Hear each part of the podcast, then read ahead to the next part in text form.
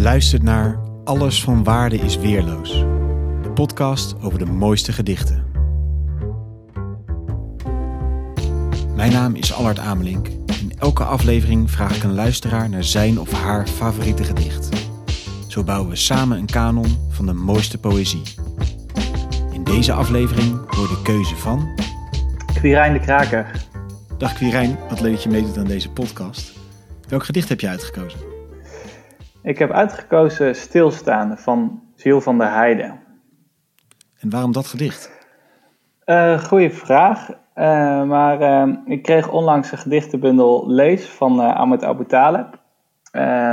hij is daarin gevraagd om een aantal lievelingsgedichten te verzamelen en te bundelen. En in die intro daar vertelt hij dat hij in Nederland heel erg moest wennen aan een beetje de elitaire sfeer die rondom poëzie hangt. En zelf noemde hij dat, dat de Arabische poëzie eerder populair dan elitair is. Nou, dat sprak mij wel aan. Ik heb zelf ook altijd gehouden van, uh, daar uh, refereert hij ook aan, een beetje de straatpoëzie in Rotterdam. En ook hier in Utrecht zie je dat steeds meer. Um, zelf ik, ben ik ook wel opgegroeid met, mijn moeder gebruikte veel van plint. Dus dan heb je echt kussenslopen, raamposters, um, nog kleine onderzetters of iets dergelijks. Allemaal met wat poëzie of leuke regels ervan.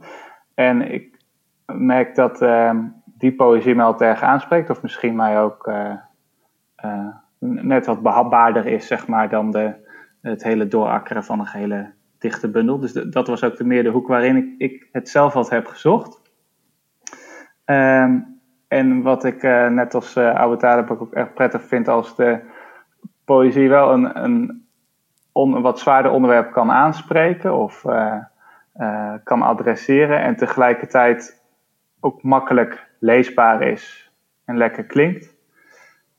En ik vind het wel grappig, uh, ik ken haar verder zelf ook niet zo goed, maar Ziel van der Heijden is een Vlaamse kinderboekenschrijfster. Waarvan er kinderboekenschrijvers eigenlijk al meer zijn langs geweest, ook in deze podcast. Bijvoorbeeld Annie M. Smit en Willem Wilmink. Klopt. Ja, en, bij hen zag ik hetzelfde, dat het hen lukt om nou, bijvoorbeeld Ben Ali Libi uh, zo'n zwaar onderwerp in toch een, een klein versje uh, mooi duidelijk te maken. Uh, ik hoop eigenlijk dat poëzie dat vaak kan doen. Nou vind ik het ook leuk dat je dit initiatief hebt, zo'n dagelijkse kanon van poëzie. het lukt me niet om elke dag te luisteren, maar het is eigenlijk hartstikke leuk om zo gedichten voor alle dag te hebben, letterlijk. Hey, en, en welk groot onderwerp snijdt dit onder, gedicht dan aan? Um, ja, het is, het is niet zo zwaar als uh, bij Nelly over de Tweede Wereldoorlog, maar het gaat meer over tijd en hoe we die gebruiken. En ook, um, nou de, je ziet nu in de tijd van uh, de coronamaatregelen dat mensen allerlei andere dingen doen dan voorheen. Dan vraag je ook af, hey, wat deden we eigenlijk normaal met die tijd misschien wel. Deze podcast is daar ook nog wel een mooi voorbeeld van, die je ook natuurlijk bent begonnen... Uh, nou, om, om daar invulling aan te geven, om eens uh, een onderwerp zoals poëzie dan beter te pakken. Blijkbaar hebben we daar dan toch, zijn we op een bepaalde manier stilgezet dat we uh, wat andere dingen zijn gaan doen. Tegelijkertijd merk ik bij mezelf heel erg ook bijvoorbeeld met thuiswerken. Nou, en ik heb dan zelf nog geen eens kinderen, kinderen, maar ik merk bij collega's dat thuiswerken en de tijd en hoe je dat besteedt ook niet altijd makkelijker is de afgelopen tijd om stilgezet te worden. Maar wat ik mooi vind aan dit gedicht, om daarop terug te komen, het is eigenlijk een pleidooi om het begrip vrije tijd weer wat opnieuw te ontdekken.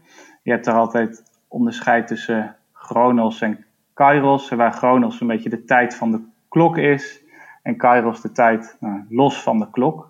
Dus ook los van de geplande orde en structuur. En ik denk dat daarin uh, de lockdown wel ergens heeft geholpen om weer nieuwe dingen te ontdekken en met andere zaken bezig te zijn.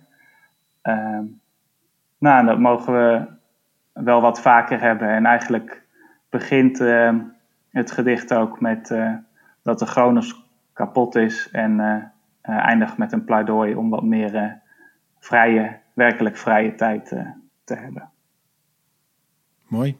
Groot thema in eenvoudige taal. Ik ben heel benieuwd. Zal ik hem voordragen, Allard? Graag. Komt ie. Vanmorgen horloge gepakt. Staat stil. Kapot. Niks meer aan te doen. Op het balkon gezeten. Broodje kaas gegeten. Poes gestreeld. Geraniums water gegeven. Radio aangezet. Gewenst dat niet alleen mijn horloge, maar ook deze dag stil zou blijven staan. Dankjewel, Quirijn. Jij bedankt al uit. Leuk. Dank voor het luisteren naar Alles van Waarde is Weerloos. Wil je zelf een gedicht delen? Stuur me dan een bericht op Twitter, isweerloos, of op Instagram, Alles van Waarde is Weerloos.